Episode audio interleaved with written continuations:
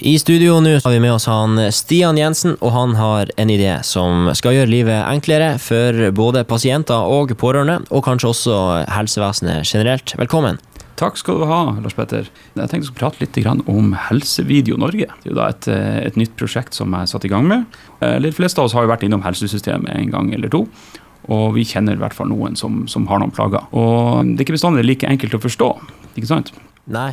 Og da tenker jeg det at hvis vi har en video som, som viser oss de forskjellige behandlingsformene, så ideen er her da at du skal få tilsendt en eh, informasjonsfilm før eller etter en konsultasjon, litt avhengig av hvor du er i forløpet. Der du kan få visst f.eks. at du skal ha en operasjon i kne. Så får du en operasjon først som tar deg gjennom det hele, så at du har en bedre forståelse. Så da kommer til legen, så får du mer, mer tid på å bekrefte det du egentlig har gått igjennom, istedenfor at legen skal sitte og gå igjennom hele forløpet på nytt. Og, eh, og da vil jo det sannsynligvis eh, avta helsesystemet en del eh, tid. Og man kan også bruke litt mer tid på det generelle, så man føler seg komfortabel. Hvordan kom du på den ideen her, da?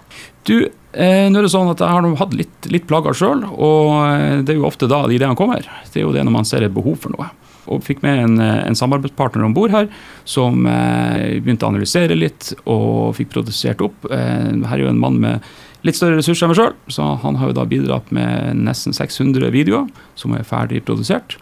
Eh, så de er mer good to go. Sier. Det kan man, du kan gå inn på helsevideonorge.no og titte, og der ser du et bibliotek.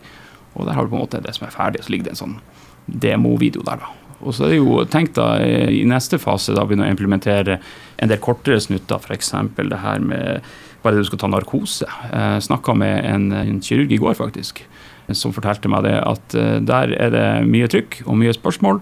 Og bare hadde en video og kunne forklart kort hva narkose gjør for noe, ville ha, ville ha hjulpet dem. da. Dette er jo noe som antageligvis kan treffe bredt på hele helsevesenet. På eh, miljøtjenesten har jeg jobba tidligere, og der, eh, der, er det jo en del informasjon som ligger F.eks. hvis det er en bruker med epilepsi, og så får han anfall, og hva skal man gjøre da? Da er det jo eh, kanskje greit å ha sett en video på prosedyrene som skal gjøres. Ikke sant. Og klart hvis du har et, et bibliotek, et oppslagsverk La oss si vi har vært så heldige at vi har fått det her inn på Helse-Norge så kunne du gått inn på Helse-Norge og kikka på epilepsi med en gang. Så ligger videoen lett tilgjengelig. Så når du står i Hvis det er noe du er usikker på, så kan du gå inn og sjekke det når, når det gjelder. altså. Ja. Det blir som en slags videoversjon av eh, alt av helseinformasjonen du har på nett allerede. Ja, stemmer nok det. Så det er jo de audiovisuelle som er litt sterkere noen ganger. da, At man, man får eh, eh mer inntrykk og, og husker bedre. Eh, så er det jo da, Men den helseinformasjonen det er jo ganske vanskelig i dag å nøste seg frem. Eh, jeg mener sjøl at jeg nesten har fått sort belte i, å søke etter helseinformasjon. Og det er jo ikke alt som er like relevant der ute, eh, kan man si. Og å ha noe som er kvalitetsgodkjent og er på ett sted, så at du finner det lett, det tror jeg, tror jeg er veldig viktig for mange. For for det er fort gjort å, å, gå seg bort. Og så klart, I etterkant en konsultasjon, da, la oss si du har fått beskjed om noe som kanskje ikke er så veldig hyggelig så eh, går vi i en liten sånn form for forsvarsmodus og kanskje ikke tar inn all informasjon. Og Forskninga viser jo det at vi faktisk bare husker 20% av det vi har blitt fortalt. Og da kunne ta, åpne den videoen når du kommer hjem i fred og ro, og gå gjennom den et par ganger, kanskje dele det med noen du er glad i, så de også kan forstå hva som, som skjer med deg, og bistå deg mest mulig i, i rehabilitering. da.